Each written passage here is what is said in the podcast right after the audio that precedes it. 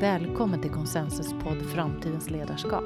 En podd för dig som vill inspireras av ledare och lyssna på deras tankar kring just framtidens ledarskap.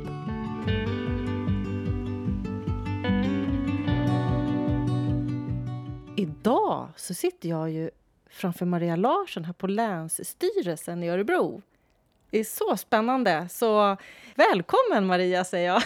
Tack så jättemycket. Vem är Maria Larsson?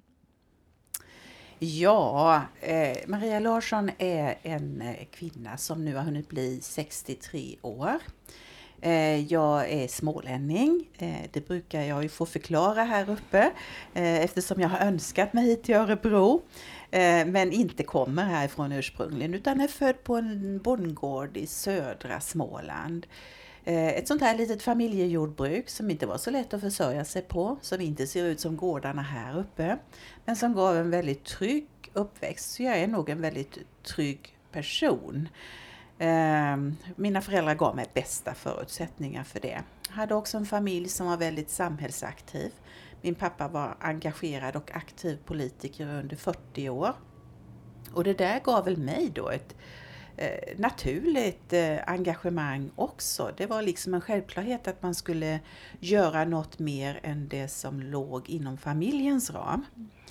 Eh, och jag klev nog fram ganska tidigt för elevrådet i högstadiet, där började det för min del. Mm. Då blev jag elevrådsordförande för jag hade ju förstått att ska man få någonting gjort och förändra någonting utav det man ser behöver förändras, då måste man hitta kompisar som tycker samma sak. Eller övertyga andra om samma sak. Eh, och sen tror jag också att det var en, det var en situation där på högstadiet som gjorde att jag förstod att jag kunde vara en, en ledare som att ledarskap har betydelse helt enkelt. För rektorn på min högstadieskola, han hette Jan-Åke Garek och var en fantastisk person. Han ringde efter mig med mm. jämna mellanrum för att få höra vad eleverna tyckte och då såg han då mig som representant för eleverna, att jag hade kollat av med mina kompisar och kunde ge honom input till viktiga beslut. Mm. Och det där fick ju mig att växa väldigt och förstå betydelsen av att också skaffa bra underlag innan beslut ska fattas. Och här frågar vuxenvärlden efter vad ungdomar tycker. Eh, jag tror att det har, han blev väldigt mycket förebild för mig när det gällde ledarskap och inspirerade också mig till att ja, men det här med att vara ledare är ju jätteroligt. Eh, och sen fortsatte det väl. Det fortsatte på, på um, gymnasiet där jag också var elevkursordförande. Jag, jag har klivit in i de där ledarrollerna och tyckte att det har varit väldigt roligt att få vara med och påverka en utveckling. Och det var också egentligen det som förde mig in i politiken sen. Att jag såg saker runt mm. omkring mig som jag ville förändra och då får man sluta sig samman och hitta kanalerna och ställa sig lite i, i spetsen för det.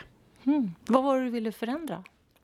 På högstadiet. Ja, jag tänker nu så att du sökte ut i politiken. Ja, det var, då var jag småbarnsförälder. Jag tyckte att det fanns för få alternativ. Jag och min man, vi hade försökt allting. Vi delade på en lärartjänst. Jag var utbildad till lärare eh, är utbildad till lärare, vilket ju också är en form av ledarskap. Mm. Att få med sig alla och få alla att hålla andan inför att man berättar någonting jag gillar att berätta, jag gillar att stå på scen och att känna att man har publiken eller eleverna med sig ger mig väldigt mycket energi. Mm.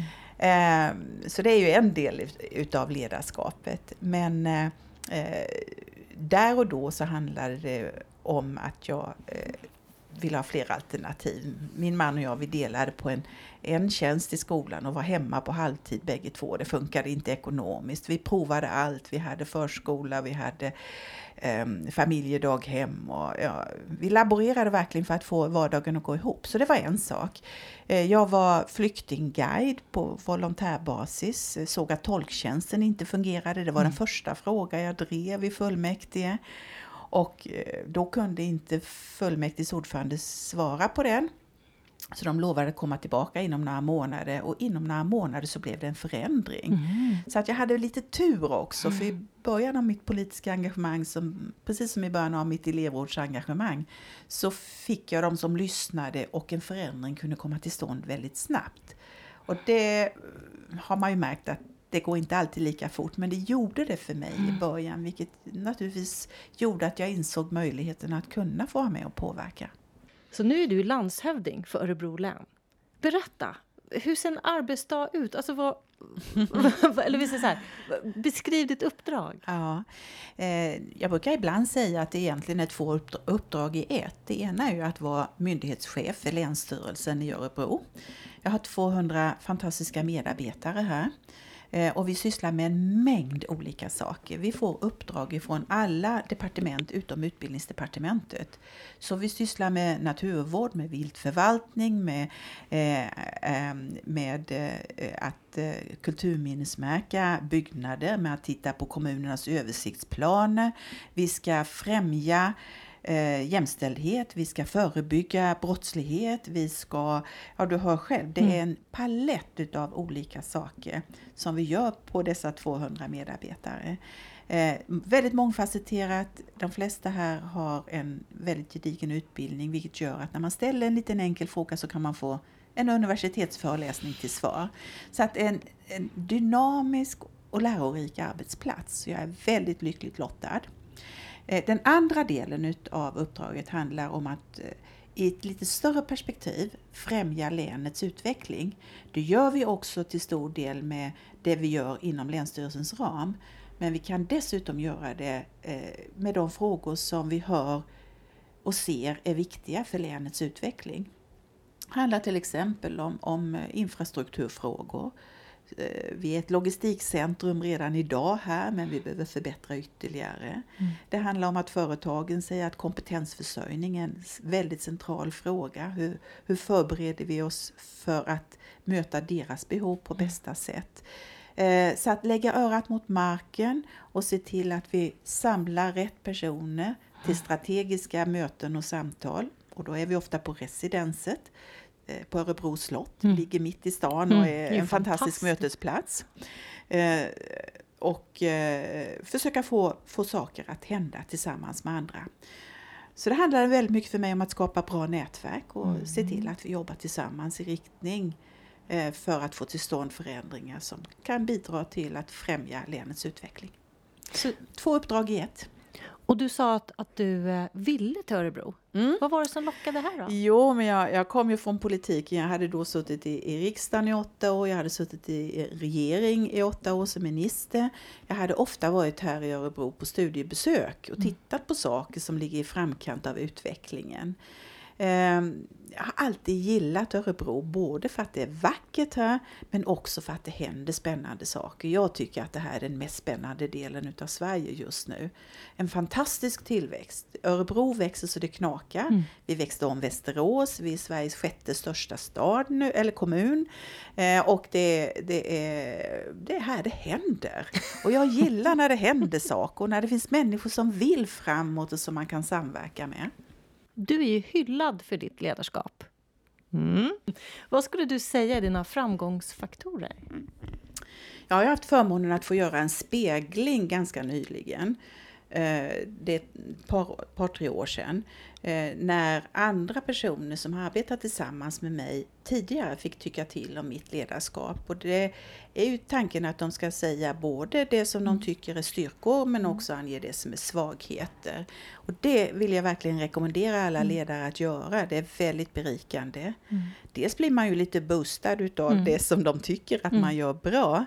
Och så får man också lite hjälp att förbättra och få ögonen på de delar som man behöver förstärka i sitt ledarskap. Eh, vi lever ju alla under ofullkomlighetsprincipen så att det finns ju inga ledare som är fullkomliga. Det finns alltid saker att förbättra.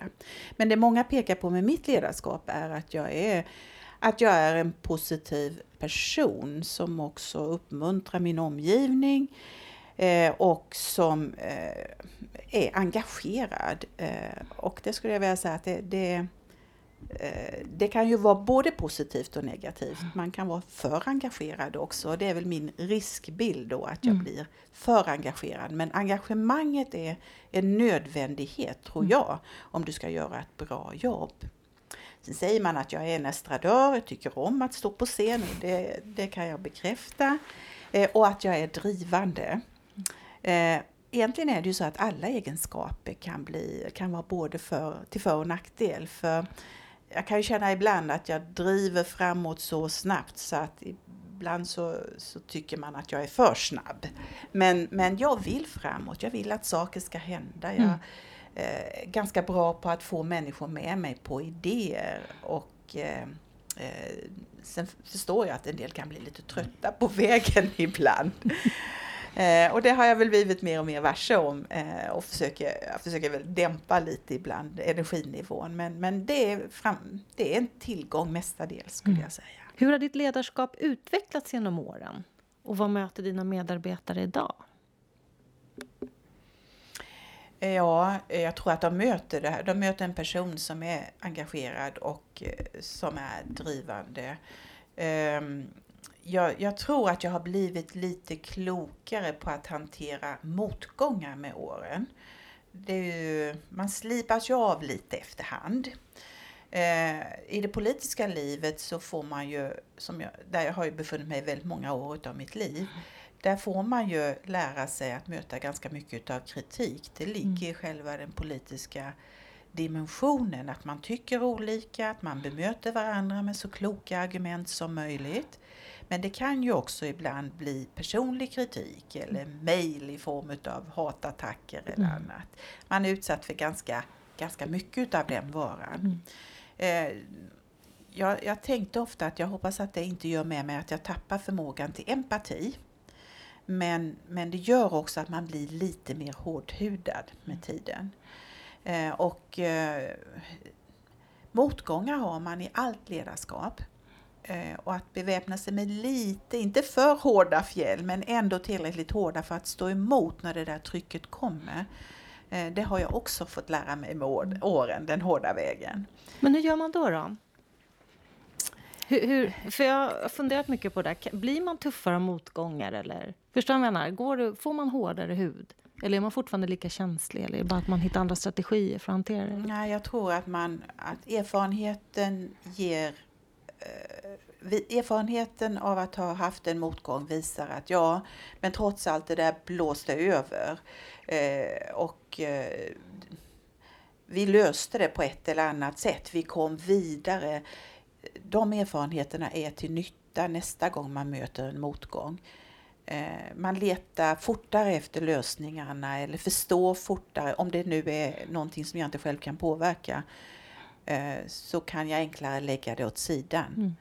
Mm. Eh, och, och, det är väl också någonting som jag tycker man blir bättre på med åren, att sortera mellan smått och stort. Att det där är en småttighet. Den behöver jag inte bry mig om eller belasta mig med eh, som en motgång eller som någonting utav ett misslyckande. Utan den kan jag lägga åt sidan ändå. Förr gick jag nog mera in också i småttigheterna och kanske tog dem på ett mer personligt plan.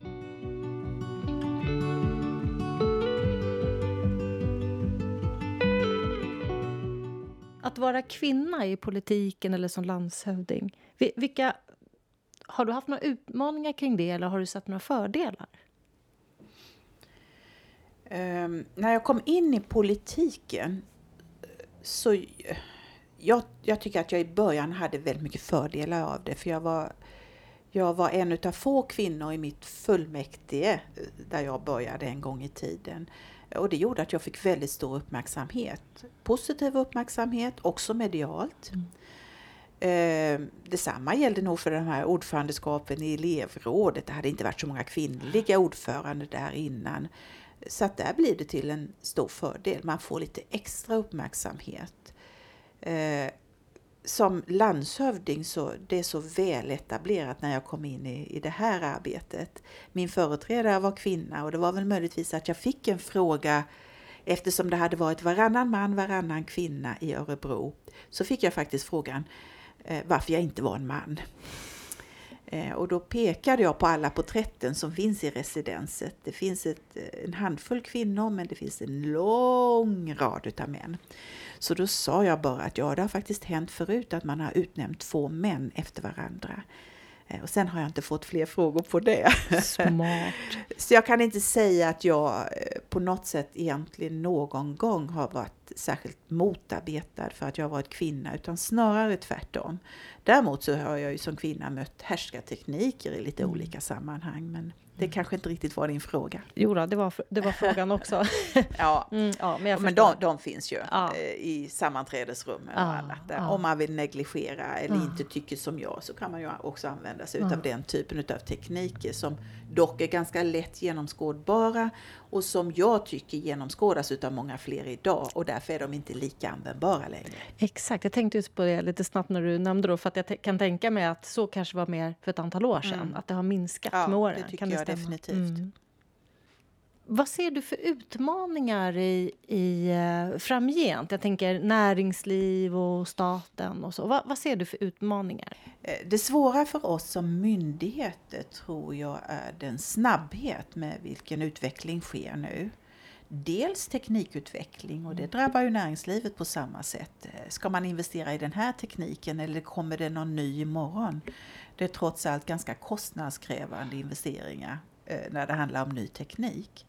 Det är den ena svårigheten. Den andra svårigheten är ju ofta att vi som myndigheter eh, som har en lagstiftning och förordningar som styr vår verksamhet ligger steget efter utvecklingen. Lagstiftning tar lång tid. Det krävs ett förarbete, det är flera års arbete och det ska remitteras och gå hela vägen innan det kan träda i kraft. Och det gör ju att, att vi ofta släpar efter den utveckling som eh, utgör verkligheten. Mm. Eh, det tycker jag är problematiskt eh, och det är svårt att hitta sätt att, att synka det där på, på ett mera ja, snabbfotat sätt. Eh, för demokratin är till sin karaktär långsam och måste få vara det eftersom det är så många som måste få komma och tycka till. Det är liksom mm. demokratins kärna. Mm. Och då är det svårt att hasta upp den processen. Men där kan jag väl se en problematik den tekniska utvecklingen mm. springer ju nu mm. och det kan vi ju alla tycka är lite jobbigt. Man måste lära nytt hela tiden. Mm. Använda nya program och nya eh, datorer. Och, ja, eh, det finns ju ett visst initialt motstånd mot det där. Jag kör trial and error-principen och läser sällan handböcker och ibland går man rätt och ibland går man fel. Ja, det, det, är så ungdomarna gör också. Ja. Väldigt mycket trial, trial, trial and error. Men hur hanterar ni förändringstakten? Då? Hur, hur gör man? Man måste nog skapa en form av långsiktighet eh, som kan ligga över tid för att få stabilitet i en verksamhet. Vi har till exempel börjat jobba precis nu med treårsstrategier. Vi får ju bara en budget på ett år och vi har under en lång tid arbetat med ettårsbudgetar budgetar, men ser behovet av att ha en strategi som kan ligga fast över en längre period. Så snabbheten som rör sig i omgivningen till trots så satsar vi på att, att, eh, ha, att bygga in ett längre perspektiv också i vår verksamhet.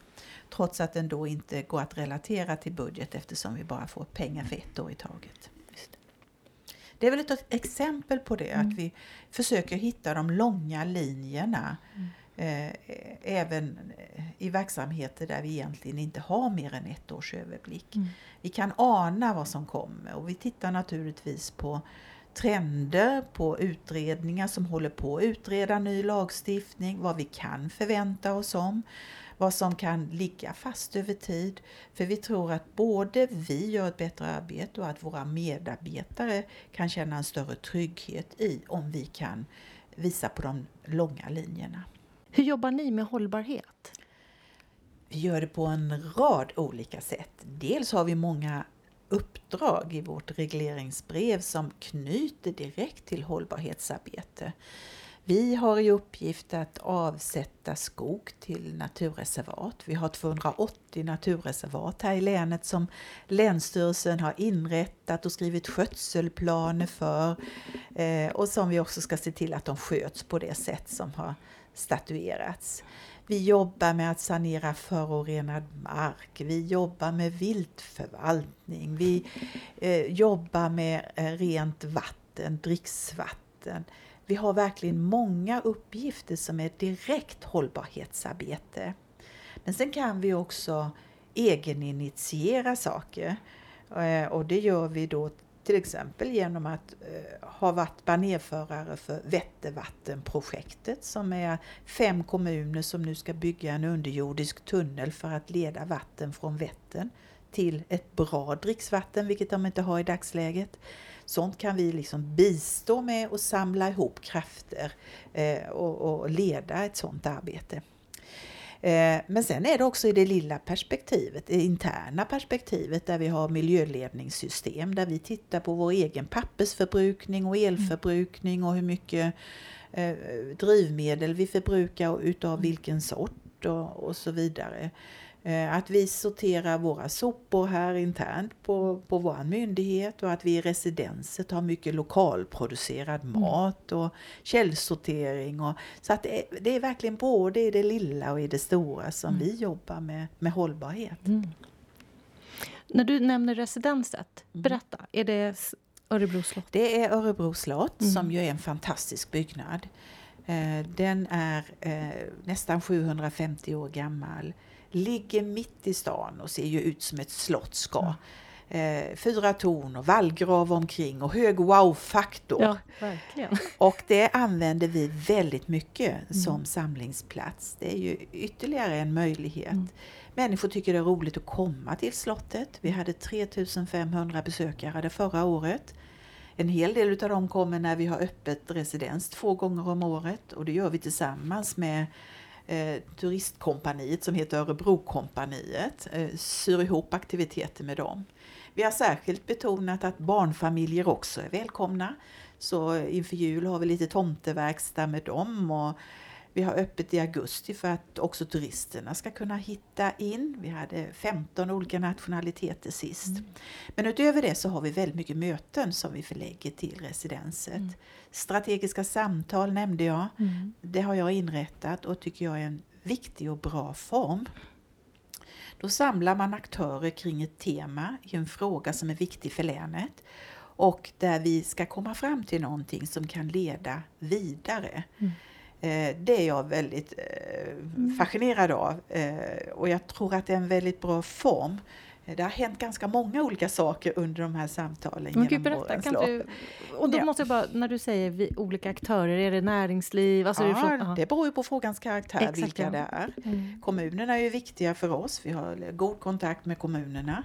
Eh, så på fredag ska vi ha ett möte och träffa kommunerna där vi ska prata hur ska vi tackla bredbandsfrågan. Mm. Eh, vi har mera pengar kvar till bredband. Vi tror att vi kommer att få eh, pengar tillbaka och nu vill vi ha kommunernas hjälp. Hur får vi ut mesta möjliga utav de här? Så att ett strategiskt samtal kring mm. fiberutbyggnaden i länet. Mm. Men det kan handla om väldigt olika saker. Vi hade Eh, det, kanske, det kanske är lite hemligt, det ska jag inte avslöja än, men vi hade faktiskt fattat beslut där igår om en sak som kommer att hända ganska snart. Så att ibland leder det fram också till faktiska beslut när vi har lyckats fånga rätt parter och då var det en statlig myndighet och två kommuner i länet där vi kommer nu att göra en pilot kring en speciellt, eh, speciell verksamhet. Mm. Och det är sånt som uppstår utifrån mm. det här. Vi hittar varandra. Mm. Sen bjuder vi ofta in eh, statliga utredningar hit. Jag tror att det är ett bra sätt att Eh, för länet lämna synpunkter i ett tidigt skede in i ett utredningsarbete. Mm. Till exempel kommer strandskyddsutredningen hit om någon månad eh, som ska titta på hur ska strandskyddet utformas. Det är en, en väldigt aktuell fråga för många av våra kommuner som vill bygga mer strandnära och tror, tycker att det är en attraktivitetsfaktor. Då för vi samman de här parterna.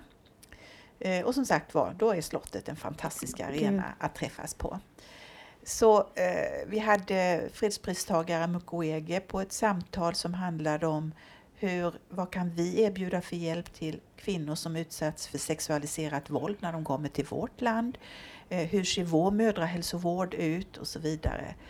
Ja, väldigt olika samtal men det här är en form som jag tycker väldigt mycket om och som vi gör i stor utsträckning. Det är fantastiskt. Mm. Och det låter ju verkligen som att, lite som samtalet börjar, det som driver dig att det ska förändras och ja. du får tag det där är ju... Det finns otroligt mycket att göra. Jag förstår. Det är som Kamprad säger, det mesta ja. är ännu ogjort. Ja. ja. Det är härligt att du har den där energin och gnistan jag ser brinner för det där. Sen är det också en, eh, residenset är också en samlingsplats för en annan typ av möten.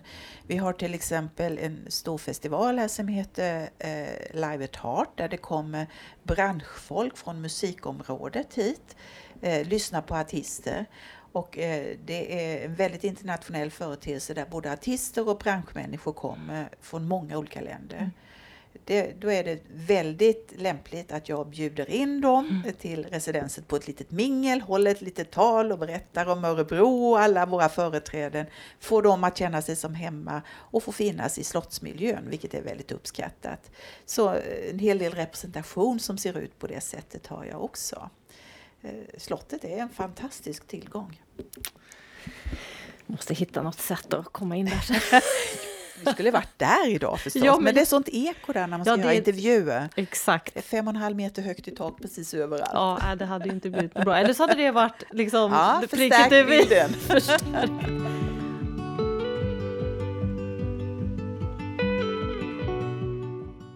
Är det enkelt att skapa meningsfullhet i offentlig verksamhet som ofta har ett tydligare syfte? Ja, ja, det är det verkligen. Eh, myndighet kan ju låta jättetråkigt men egentligen mm. så är vi en del utav demokratin.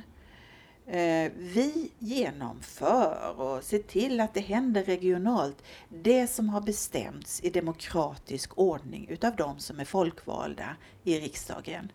Eh, och sen tolkas det vidare utav regeringen som sätter uppdrag utifrån det.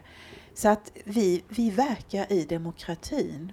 Och jag har mött väldigt många medarbetare när jag kom hit. Då kom jag ju från politiken till en myndighet. Och att möta den här stoltheten som många visade i att vara en statlig tjänsteman, mm. det var för mig lite eh, jag blev, jag, jag blev väldigt både bedårad och lite rörd utav det.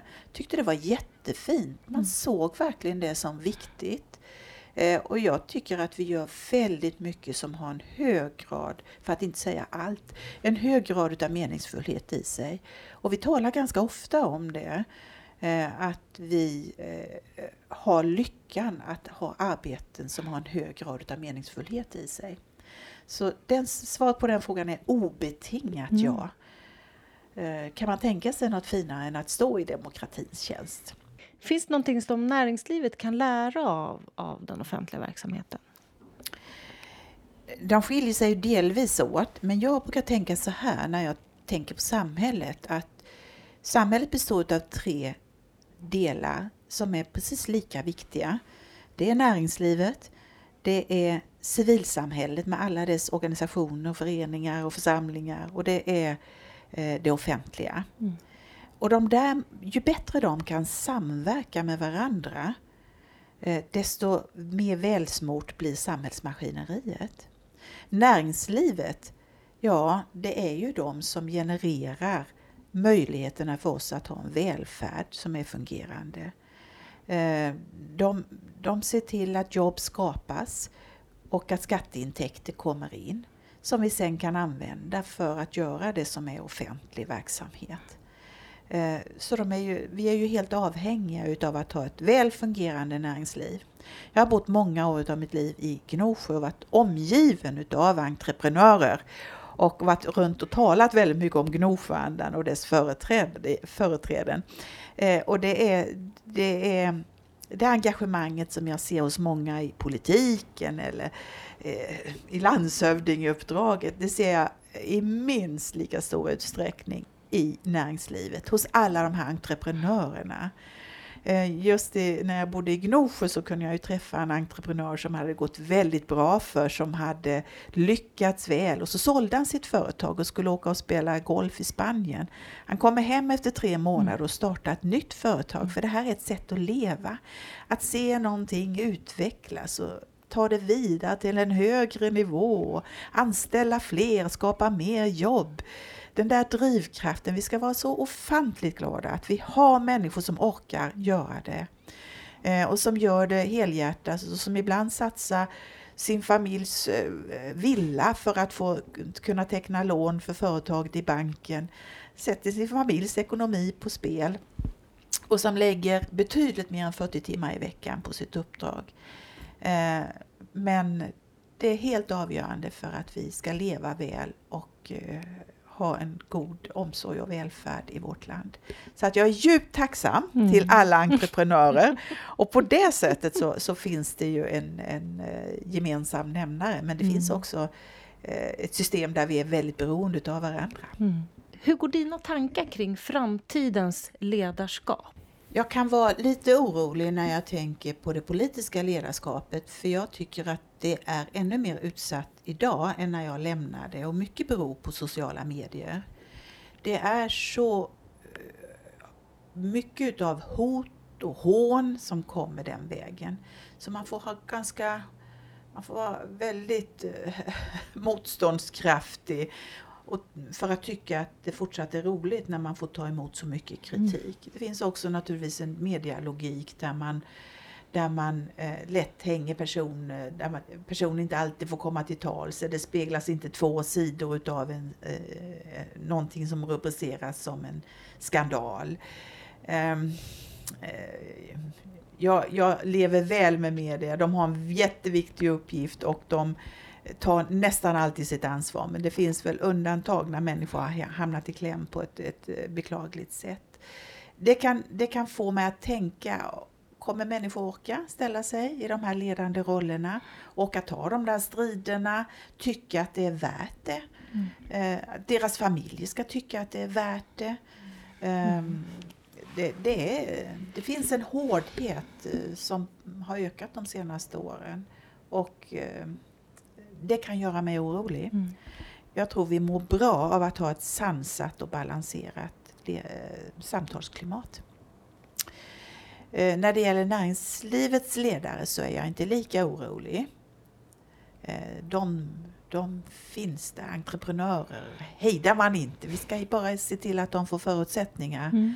att leva eh, och göra allt det där som de kan och behöver göra mm. för allas vår skull.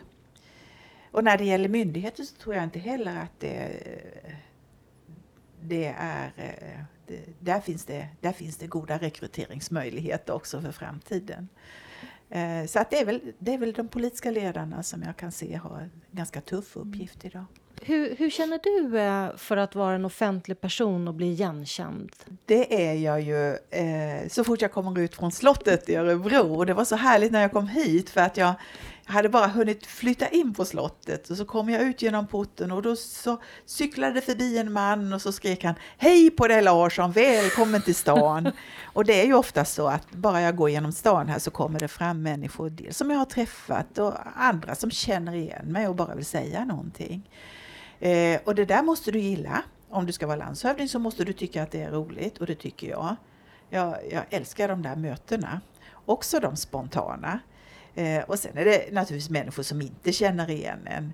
Eh, jag, får jag berätta, har vi tid med en liten anekdot? Jag älskar anekdoter. Ja, eh, det var så roligt för då, då eh, hade jag varit i affären och handlat väldigt mycket mer mat än jag skulle. Jag skulle ha gäster och hade två tunga kassar i varje hand och sätter ner dem när jag bär dem från affären för att vila händerna lite. Då kommer det två killar, jag gissar från Syrien, emot mig och så tittar de på mig uppifrån och ner och så säger de Ska vi hjälpa dig att bära? Och det där har jag faktiskt aldrig fått erbjudande om förut så jag tittar på dem uppifrån och ner och så säger jag Ja tack! Och så går vi då och de hjälper mig att bära hem varorna till eh, Örebro slott. Då sätter de ner kassarna och så säger de Bor du här? Ja, säger jag, någon ska ju bo här. Eh, vill ni ha lite betalt för att ni hjälpte mig att bära? Och då skakar de på huvudet och säger nej, nej, men vi vill bli vän med dig på Facebook. Ja! Och så fortsätter de då att ja, i Vivalla, där vi bor, och det är en mm. stadsdel utav Örebro där många har en annan bakgrund. I Vivalla där vi bor, där hjälper vi alltid äldre damer att mm. bära när de har tunga kassar och kommer från affären. Jag tycker att det där var en sån härlig bild på så många sätt. Dels de, de visste inte vem jag var, de erbjöd sig ändå att hjälpa till. Mm. Eh, det här var naturligt för dem att hjälpa på det sättet i Vivalla som en stadsdel som, som, som jag tycker har väldigt mycket gott i sig men där mm. vi sällan talar om all de, alla de här goda sakerna som händer i Vivalla. Eh, det, utan kanske fokusera på problem istället. Men det där är ett uttryck då för att de ändå vill bli vän med mig på Facebook, Men att jag var en känd person. Har, har du Facebook? Ja, ja, ja. ja. Härligt! Blev ja, du vän med dem där? Jag blev vän med dem, Vad jajamän. Eh, men jag, jag, du, du måste gilla det där eh, och jag älskar det. Eh, men jag kan ju också ha behov av att vara ensam. Mm. Eh, och då ska jag ju inte gå till affären här och handla utan då behöver jag åka till min sommarstuga och ta på foppa tofflor mm. och fleecetröja och bara eh, luncha runt där i, i trädgården. och det behöver man också ibland mm. men, men jag gillar ju det här offentliga livet.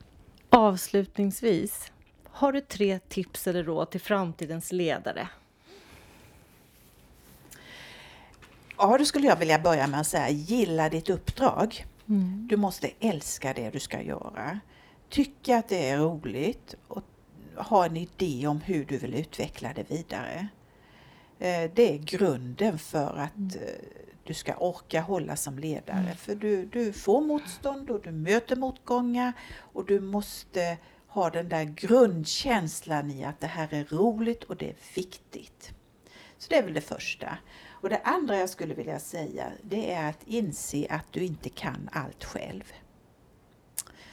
Omge dig med goda medarbetare och se till att ha några medarbetare som är nära förtrogna, som du verkligen känner att du kan bolla det som är bekymmersamt, det som är glädje, dela glädjeämnena med och trivas med i din vardag. Det kan man kanske inte göra med alla medarbetare i en stor organisation men att du har några som är sådär förtrogna.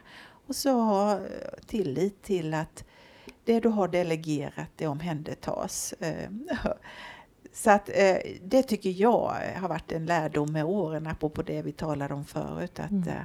verkligen se att du kan inte allt själv, men du kan också se till att du har medarbetare som kompenserar det mm. du inte kan.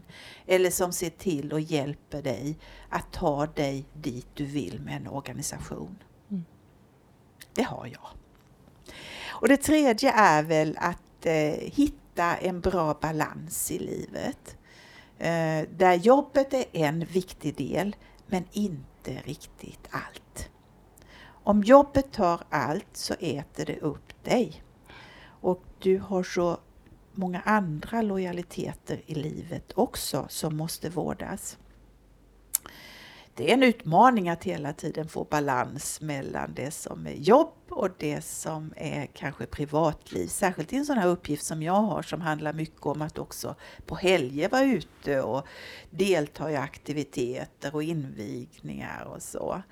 Eh, men eh, jag är också mormor och farmor.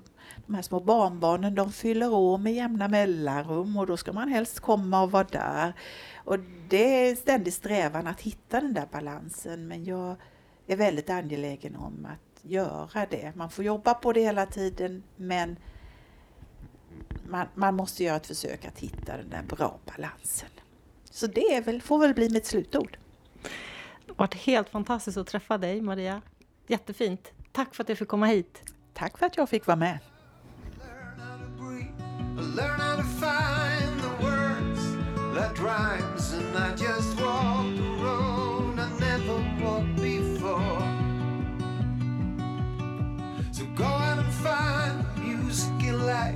Learn how to play and you will find a sun that fills the need of light. It's another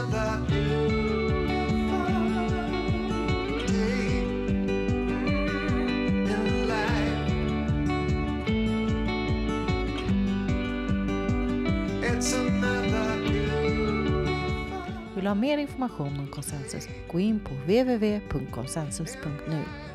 Och jag som intervjuar gästerna heter Anna Mård och är en av bolagets fristående konsulter.